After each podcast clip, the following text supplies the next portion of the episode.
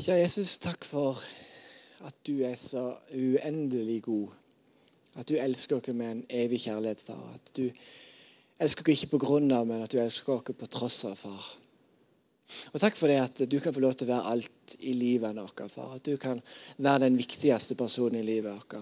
Og Jeg ber deg om at vi skal merke i løpet av denne talen her, i løpet av de ordene du har lagt på mitt hjerte, at vi skal bli dratt nærmere deg. At vi skal få enda mer av ditt hjerte Enda mer av din medlidenhet og enda mer av dine øyne til å se andre mennesker og til å bety en forskjell for andre mennesker. og Våge å være åpne og ærlige med livet vårt. Jesus. Det er bare å be deg om, far.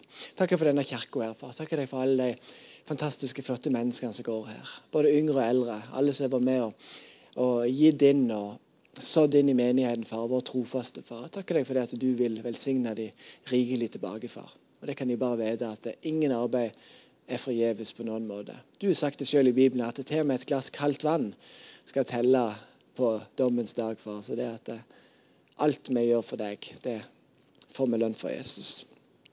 Amen. Veldig gøy å være her. Dere har et flott lokale. Nytt og fint, og mye fine folk er der eh, også her. Jeg har jo hatt eh, en elev her, Malene. Jeg har vært min elev på eh, Ansgar bibelskole. Det er veldig gøy. Så uh, hun er ei flott jente. Er dere enige at hun er ei flott jente? Ja, kom igjen. Ja, Det er bra, det.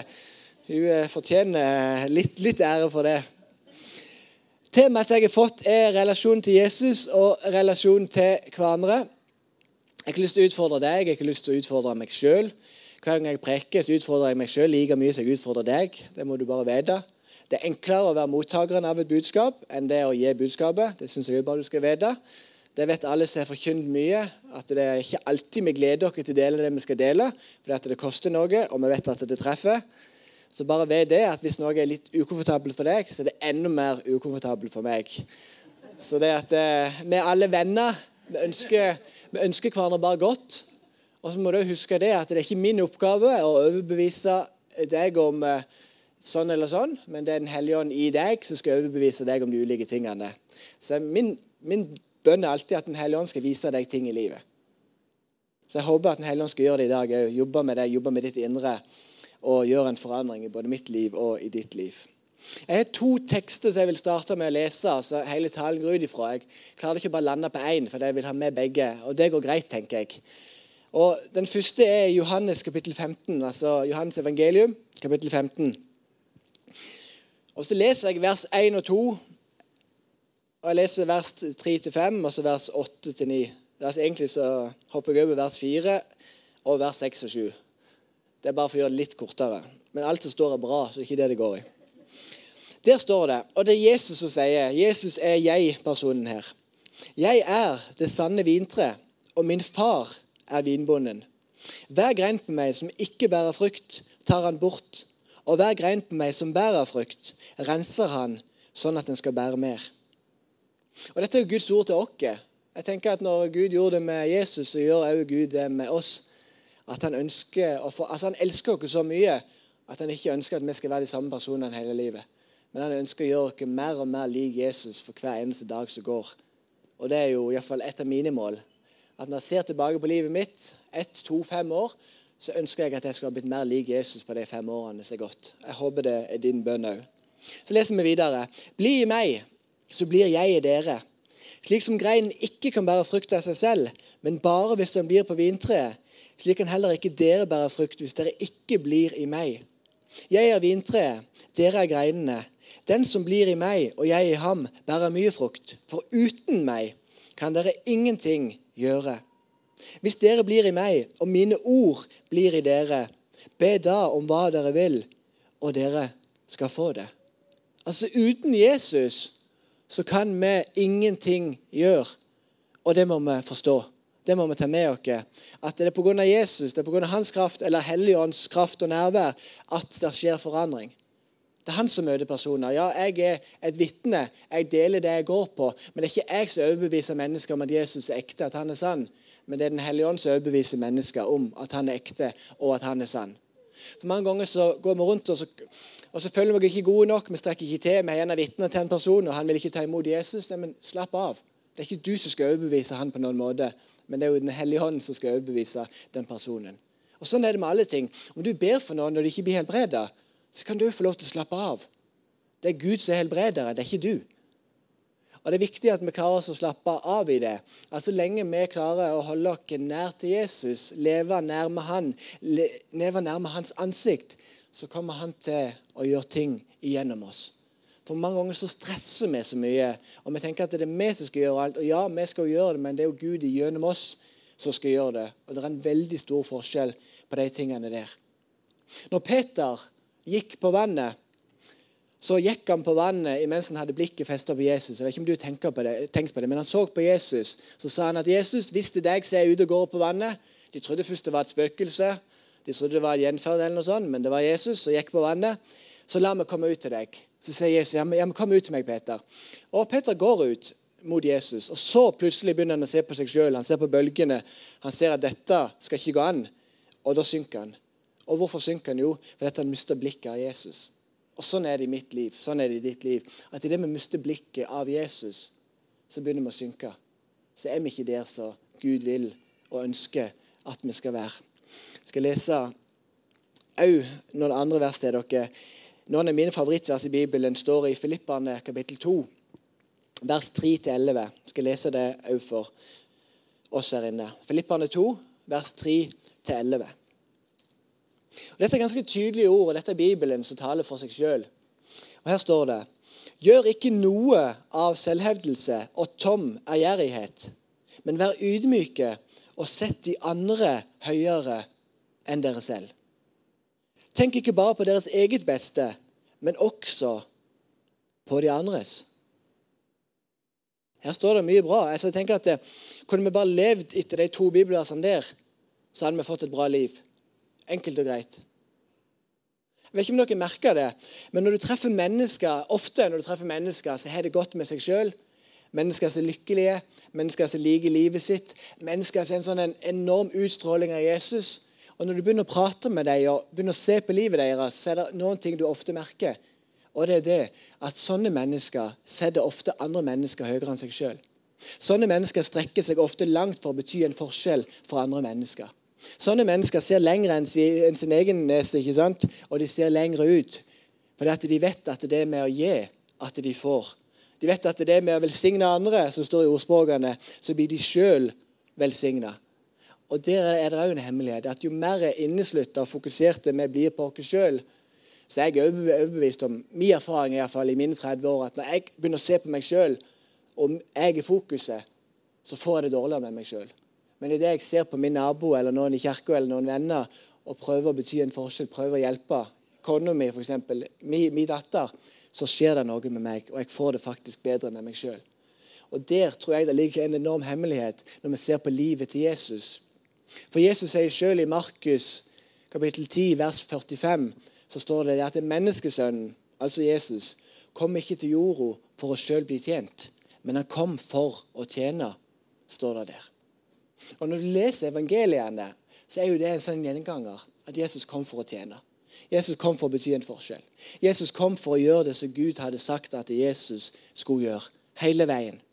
Hvis jeg husker rett nå, men ikke ta tallet helt sånn, for jeg er ikke helt sikker på det, men jeg tror det er 293 ganger jeg har lest i løpet av de fire evangeliene, så stiller Jesus spørsmål. 293 forskjellige spørsmål stiller han til mennesker og til folk der ute. Og jeg tenker jo at da har vi noe å lære av Jesus. Det å stille gode spørsmål. Det å stille folk spørsmål ja, hvordan går det med deg, hvordan har du det? Og Det som jeg ser med Jesus, at ofte når han møter mennesker som var syke, så hadde det vanskelig. Og Noen ganger var det jo ekstremt tydelig at jo, det er noe gale med foten eller noe gale med armen. altså Du ser jo Jesus. Og Likevel så stiller Jesus spørsmålet hva vil du at jeg skal gjøre for deg? Og Noen ganger når jeg leser det, så tenker jeg men Jesus, du vet jo det her, og alle ser jo hva han vil at du skal gjøre. Men allikevel så stiller han spørsmålet. Sånn at de kan få lov til å svare på jo, men jeg vil at du skal gjøre det og det. Og Så sier jo Jesus ja, men det er greit. Jeg skal gjøre det for deg. Så Når det handler om relasjoner, så er jo Jesus uten tvil det største forbildet som vi kan ha. For det, at jo, for det første så kan vi jo lære det at han kom ikke til jorda for å selv bli tjent, men for å tjene andre. Og Det er jo en enorm tanke. Videre når vi leser om Jesus, så er det veldig tydelig at han kom ikke på jorda for sin egen vilje og for, sin egen del. Men han sier gjentatte ganger i evangeliene at han kom for å fullføre Faderens, altså Guds, vilje. Til og med når Jesus ligger i hagen Getsemane før han skal dø for alle menneskers, menneskers synder, så sier han det til Gud at hvis det er mulig, Gud, så la dette begeret gå meg forbi. Men så stopper det ikke der. Men så er han videre. Men la ikke min vilje skje, Gud, men la din vilje skje. Og det er sterkt. Og når vågte du og jeg å be den bønnen der om at Jesus, la din vilje skje i livet mitt? Vi snakker mange ganger om at vi, at vi velger kallet vårt. Men jeg tror ikke at du velger kallet ditt. Jeg Beklager å si det, men jeg tror ikke det. Men du kan velge om du vil gå inn i kallet Gud har gitt deg, eller la være. Det kan du. Skulle jeg bare velge menneskelig sett Jeg sier ikke dette for å være høy på pæra, men eh, jeg er ganske sikker på at jeg kunne blitt en vellykka businessmann og blitt steinrik. Jeg er helt overbevist om det. Men det er ikke det Gud har kalt meg til. Jeg kunne omtrent solgt sand i Sahara, fikk jeg vært selger, og det er enkelt å selge til nordmenn. Nordmenn, eh, Så lenge det er det beste, så vil de ha det. altså Det er bare helt sprøtt. Eh, men du blir kjent med nordmenn etter hvert, så ser du det. Men det er ikke det Gud har kalt meg til. Gud har ikke kalt meg til å bli en vellykka businessmann. Selv om jeg godt kunne blitt det. Jeg kunne godt hatt det fineste huset i Bergen og kost meg og syntes det var greit. Men det er ikke Guds kall over livet mitt. Og da må jeg velge skal jeg gå inn i Guds kall, eller skal jeg ikke gå inn i Guds kall. Guds kall over livet mitt er heller ikke å være rektor på substans jeg er nå. Det er nok en del av det, ja. Men jeg merker jo at det er ikke det jeg skal gjøre resten av livet mitt. Jeg syns det er kjekt å kose meg, men mitt kall er å være pastor. Mitt kall er å gjøre det som Gud har sagt at jeg skal gjøre. Og da må jeg inn i det kallet igjen. Altså, Jeg er ikke ute av kallet nå, på ingen måte. Men jeg må inn igjen i det som Gud har sagt at jeg skal gjøre. Og det samme gjelder med deg. At noen her inne er faktisk kalt til å være vellykka businessmenn ifra Gud. sant? Fantastisk. Skulle ønske jeg òg var det, men jeg, men jeg, er ikke det. Og noen er kalt til å jobbe på Rimi, eller nå finnes det ikke Rimi lenger, men å jobbe på Rema 1000 f.eks., eller på Coop. Noen er kalt til å være Er det regnskapsfører, revisor du, er det ikke det hvis jeg husker rett? Økonomi, iallfall. Det er iallfall noe innen økonomi. Men de datter driver med det, iallfall. Så det er jo forskjellige ting vi står i og er i. Men jeg tenker det viktigste vi kan gjøre, er jo å adlyde stemmen til Gud. Og ja, det er krevende. Alle som har vært pastorer, kan med hånda på hjertet si at det er ekstremt krevende å være pastor. Derfor er det deilig å være rektor nå, for det er ikke fullt så krevende. Eh, det kan jeg være ærlig på. Men jeg tenker jo at det, men vi må, vi må, gjøre det som Gud har kalt dere til å gjøre. Og Da velger jo du vil jeg tre inn i kallet, eller vil jeg la være å tre inn i kallet. Og så, sier, så står det dette om Jesus. La samme sinnelag være i dere som også var i Kristus Jesus. Han var i Guds skikkelse og så det ikke som et rov å være Gud lik, men ga avkall på sitt eget, tok på seg tjenerskikkelse og ble mennesker lik. Da han sto fram som menneske, fornedret han seg selv og ble lydig til døden, ja, døden på korset. Derfor også Gud opphøyde ham til det høyeste og gitt ham navnet over alle andre navn. Og så stopper jeg der. Gud valgte å bli menneske. Jesus valgte å bli menneske. Alt var perfekt for Jesus i himmelen. Men så valgte han å komme ned på jorda. Han valgte å bli født i en stall. Vi syns det er så søtt og fantastisk når vi hører om at vi er født i en stall, men, men når du virkelig tenker deg om at kongenes konge ble født på en sånn en plass. I en fjos, som vi sier på min eh, dialekt. egentlig, altså Inne blant kuene, inne blant møkket, møgen, sant, som vi sier på min dialekt. Der velger Jesus å bli født. Og det sier jo alt om han. Det sier jo alt om Gud, som ville ofre sin sønn for oss her nede. Og det sier alt om vår relasjon til Gud. Vår relasjon til Jesus. Jeg tenker det at Mitt dypeste kall er selvfølgelig å være Guds barn. Sant? Det er det viktigste, og det må vi forstå først av alt, at vi er Guds barn. Vi må forstå at vi er skapt perfekt i Hans bilde. Vi må forstå at Gud heier på oss. At Gud har en stor plan for livet vårt. At Gud vil oss det beste. Sant? Det er sånne basisting som vi må forstå når det handler om det med vår relasjon til Jesus. Det vi òg kan lære om Jesus Jeg, jeg finner ikke en gang i evangeliene, og jeg har lest det ganske mange ganger, men jeg finner ikke en gang i evangeliene der Jesus snakker veldig nedladende om seg sjøl. Han forteller om hvor dårlig han er, og at han får ikke til noe, han fikser ikke noe. Han er ikke skapt god nok, han er ikke noe av, han er ikke nok talenter. Jesus sier aldri det. Men allikevel så gjør jo vi som mennesker, jeg sjøl inkludert, er veldig flink på å se på hva jeg ikke har. Hva gave jeg ikke har, istedenfor å se på hva gave du faktisk gir meg, Gud. Og Det er en grunn til at du er skapt akkurat sånn som du er. Det er ikke en tilfeldighet, men det er fordi at Gud ville at det skulle være sånn. Og at Gud vil bruke deg akkurat sånn som du er. Så en, en god relasjon til Jesus og en god relasjon til andre tenker jo jeg at starter jo først altså, Jeg tror som kristne at for å ha gode relasjoner med andre mennesker, så tror jeg det ofte det starter med relasjonen som du har mellom Gud. Deg og Gud-relasjonen, og ikke minst den relasjonen som du har med deg sjøl.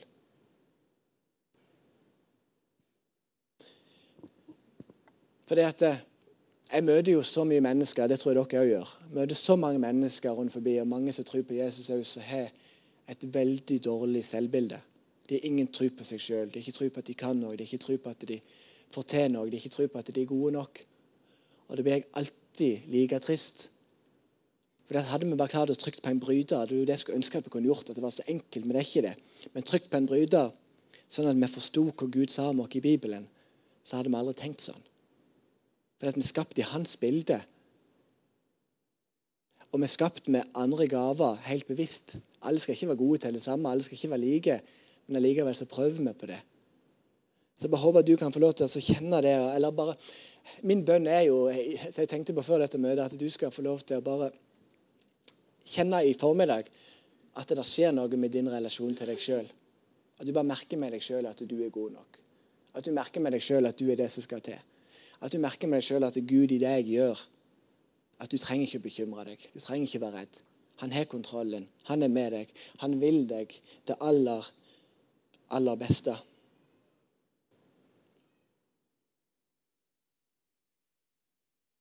Så skal du bli lykkelig, skal du ha det bra med deg sjøl, tenker jeg. Altså, hvis det ordet 'lykke' vi er på jakt etter, så, så, tror jeg det starter mye med at Se hva Gud sier om deg i, i Hans ord, og videre Gå på det kallet som Gud har gitt deg.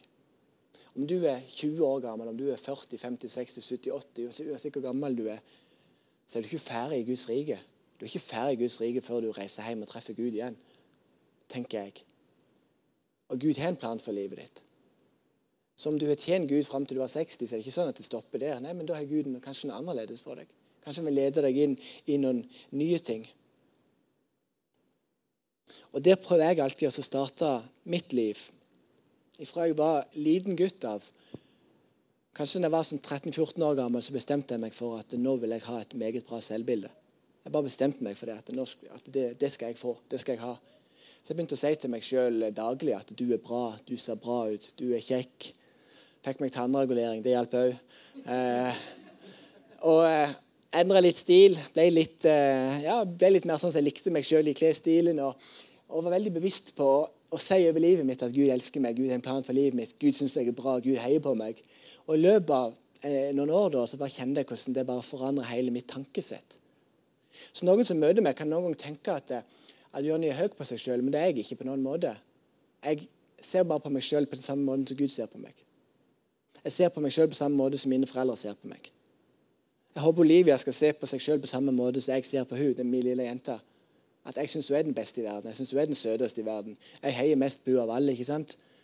Og Når en begynner å jobbe med de tingene, så skjer det noe med en sjøl. Jeg kan merke det, at jo bedre selvtillit og selvbilde jeg får ikke noe, altså Det handler ikke om å være overlegen, det handler ikke om å være bedre enn andre. Men jo mer trygg jeg er på meg sjøl, jo enklere er det for meg å vise kjærlighet.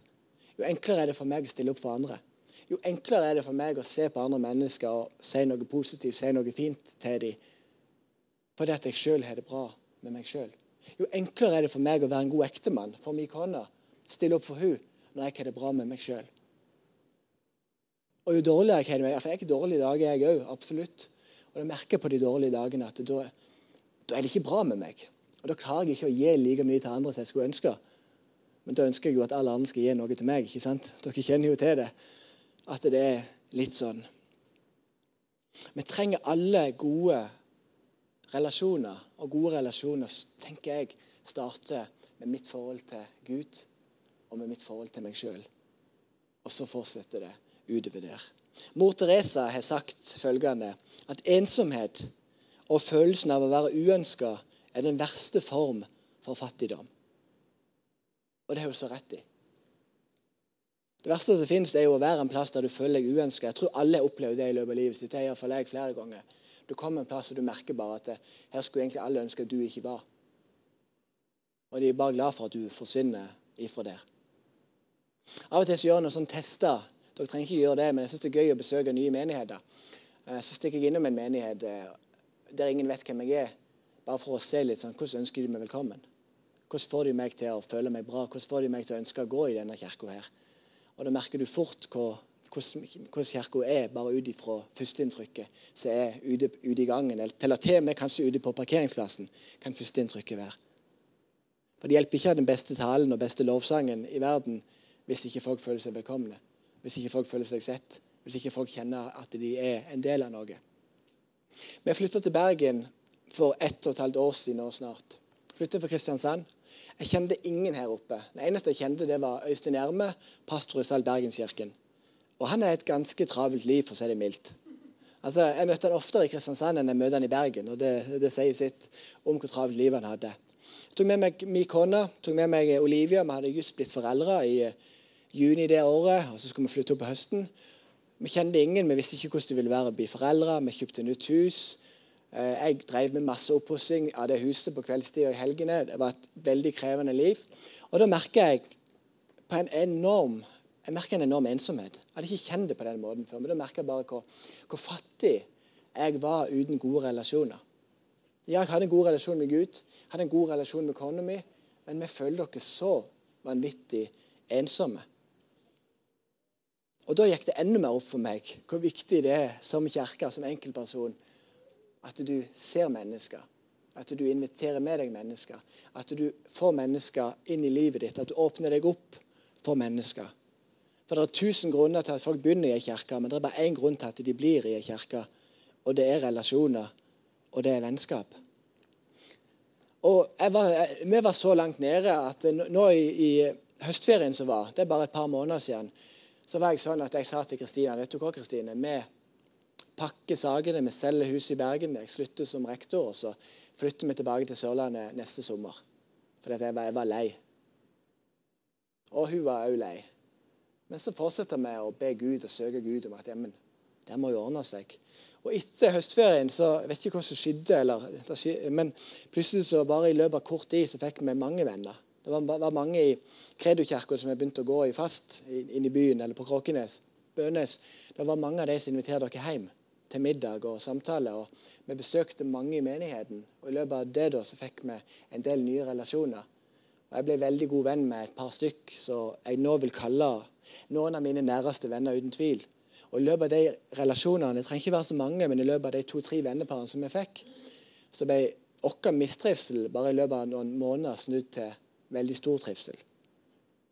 Og det har bare vist meg, jeg, tror egentlig at Gud har gjort dette med vilje. Så han har latt meg gå litt gjennom de tingene for, at, for å vise meg enda mer hva relasjoner her sier. Hva å se andre mennesker her sier. Og hvor viktig det er å bli ivaretatt og bli sett og føle seg elska, føle seg trodd på, føle seg satsa på. Fordi at det gjør noe med deg når du blir det. Så nå er jeg litt sånn at eh, Før høstferien så likte jeg ikke Bergen, men nå er jeg blitt veldig glad i Bergen. sant? Så at ting kan snu ganske fort. Så tror jeg noen ganger at Gud kan prøve oss, at Gud kan teste oss litt. At vi opplevde at Gud leder oss til Bergen, og så skulle vi bare forlate Bergen med en gang. Men så tror jeg ikke at vi skal forlate Bergen med en gang, men at Gud har en plan med det. Og noen ganger så krever det litt for oss sjøl. Har du tenkt på det? At det, det er ingen personer når de er seks, åtte, ti år gamle, som sier til seg sjøl at når jeg blir stor, da skal jeg bli alkoholiker. Har du møtt noen av dem? Jeg ikke.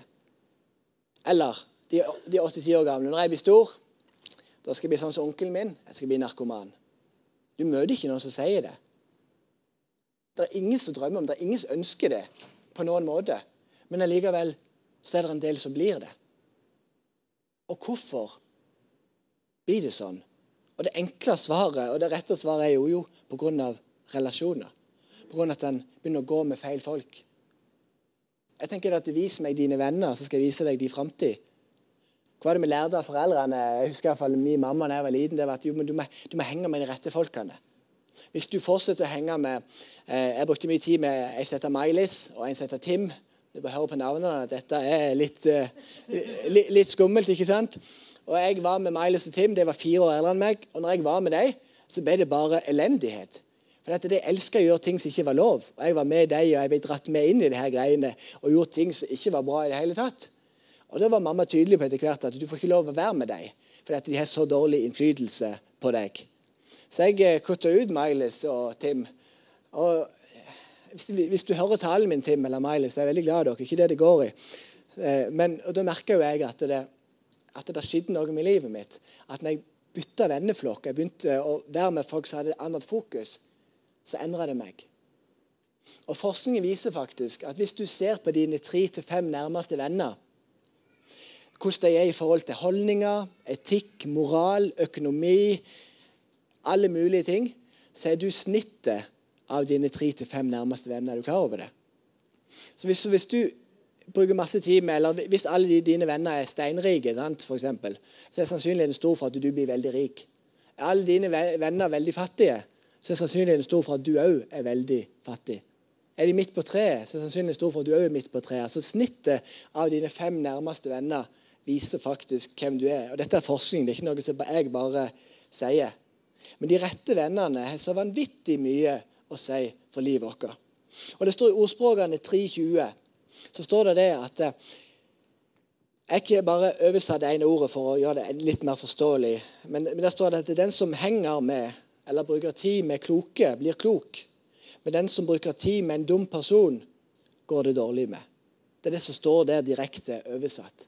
At når vi bruker tid med kloke personer, så blir vi kloke. Bruker vi tid med personer som ikke er så kloke, så går det faktisk utover oss.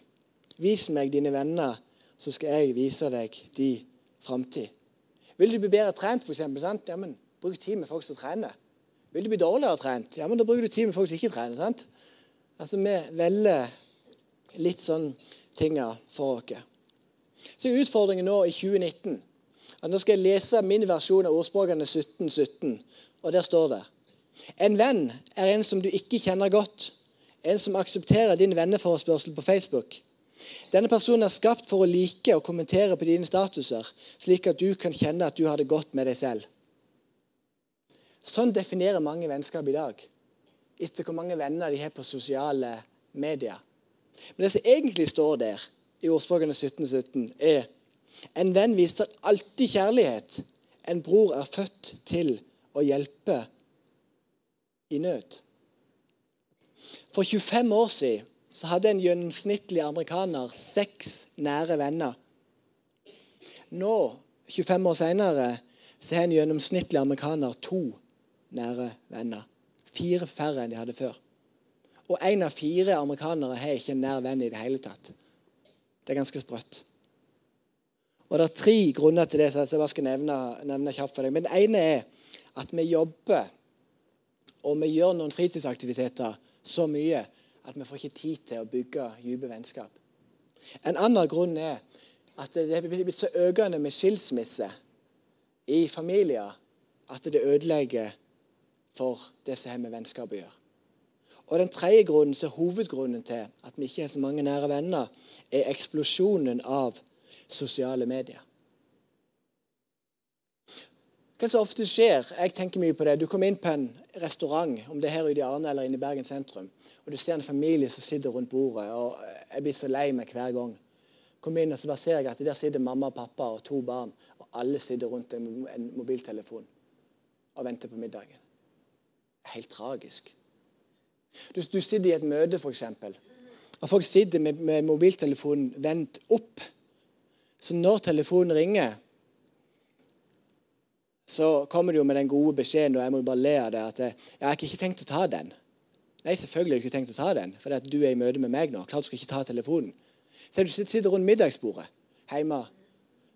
Telefonen ringer, og du sitter og spiser middag, det viktigste måltidet for din familie den dagen. Så ringer telefonen. Ni av ti personer må bare gå og ta den telefonen. Men jeg har sagt at i, i, i familien Omdal, i min familie, mm -mm, da skjer ikke det. Når vi spiser middag, da spiser vi middag. Når vi spiser frokost, da spiser vi frokost. Da er telefonene vekke. Da er de borte. Vi prøver vi får det ikke alltid til, men vi prøver når vi kommer hjem i tre-fire-tida å legge vekk telefonen. Så er til stede for Olivia de tre timene før hun legger seg. For det er kanskje bare de tre timene vi får den dagen. Og da må vi være på. Da kan ikke vi sitte og trykke på den skjermen der. Nei, da må vi være til stede. Vi prøver òg ofte å gå fra mobiltelefonen nede i stuen når vi går og legger oss på kvelden. Sånn at vi kan snakke sammen og være sammen, bare meg og Kristine. Og når, når, vi våkner morgenen etter, så er ikke det første vi sjekker sosiale medier. Nei, det er det første vi sjekker jo hverandre. Eller ofte må en av oss stå opp før den andre fordi at Olivia står så tidlig opp. ikke sant?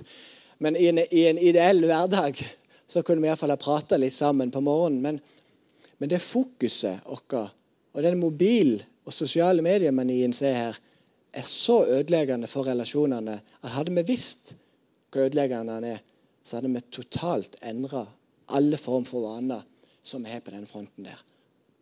Beklager min tydelighet i dette, men, men jeg har bare sett hvor mye det ødelegger. Så når jeg som sjef på, på min bibelskole har møter, så er det første jeg sier i så til hvert møte, at nå vender du mobiltelefonen ned, aller helst legger den vekk, for nå er vi til stede her. Når jeg en samtale med noen, da vender jeg mobiltelefonen min vekk. Fordi at jeg skal være til stede i øyeblikket. Og det handler gode relasjoner om. Det handler gode relasjoner om til Gud og til andre. At vi er til stede i øyeblikket. Vi er på. Vi ser mennesker. Vi prater med mennesker. Vi ser dem inn i øynene.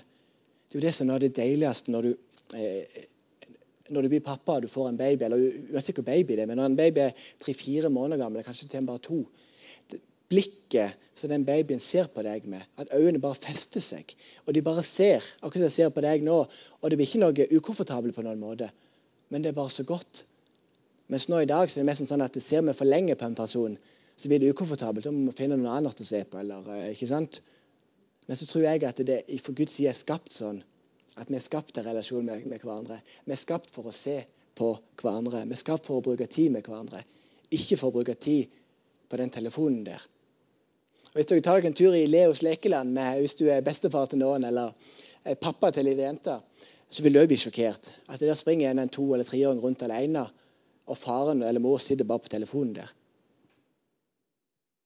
Av prinsippsak så burde en ikke gjøre det. Eh, Iallfall ikke offentlig. ikke sant? For da tenker jeg at Hvis du er så avhengig offentlig, hvordan er dette når du ikke er offentlig? For Du kan alltid gange på med to eller tre. Så relasjoner med hverandre handler om Jeg skal avslutte med, med to enkle punkter. Og Det ene er at det handler om å være til stede. Det handler om å være nærværende. Det handler om å prate ansikt til ansikt.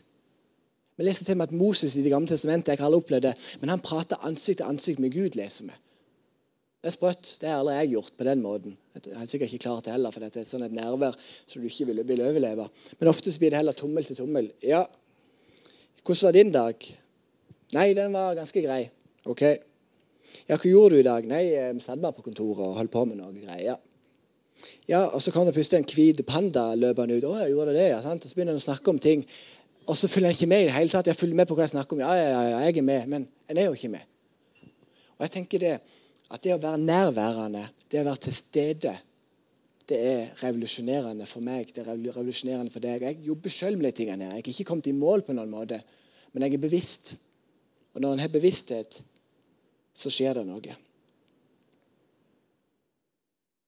Hvordan ville livet ditt blitt hvis du lar personene rundt deg være i sentrum? Jeg hadde en god kamerat av meg, eller han er fortsatt en god kamerat av meg, men for fem år siden så skilte han seg fra kona si. De hadde vært gift i ti år, kanskje. Jeg møtte han, og, og i det øyeblikket der hva gjør du da? Jo, da kommer han bort til meg, og så bare, så bare holder jeg rundt han. Jeg sier ikke noe. Jeg gjør ikke noe. Jeg holder ikke rundt den og drar opp telefonen og leser noen meldinger samtidig. sant? Det er ikke det jeg gjør. Nei, jeg bare holder rundt den lenge. Flere minutter. Så bare holder jeg rundt den. Jeg sier ikke noen ting. Jeg gjør ikke noen ting. Og så bare sier han det at, at tusen takk for det du gjorde. Og jeg har ikke gjort noe. Jeg har ikke sagt noe. Men jeg har bare vært til stede. Jeg kan merke det som pastor òg, at i mange samtaler med, eh, med mine menighetsfolk, så, så sitter vi en halvtime time og prater sammen. Jeg sier nesten ingenting. De bare deler hjertet sitt. De bare utøser hjertet sitt. og Jeg nikker, jeg følger med Jeg er på. Og så er samtalen slutt. Jeg har nesten ikke sagt noe. Jeg kan kanskje sagt ti ord på den samtalen der.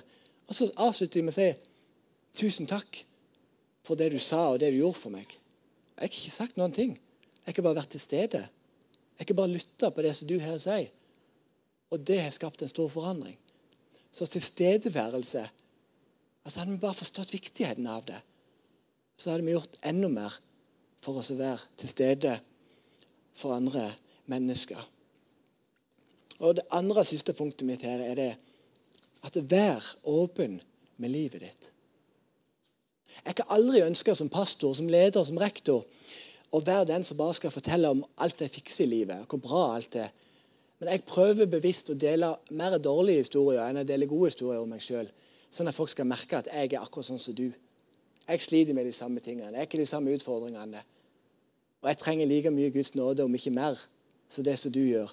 Og Når vi våger å dele livet, når vi våger å ta vekk den der perfekte kristne fasaden som vi mange ganger bygger opp, da skjer det noe med folk. Når folk merker at jeg er akkurat sånn som deg.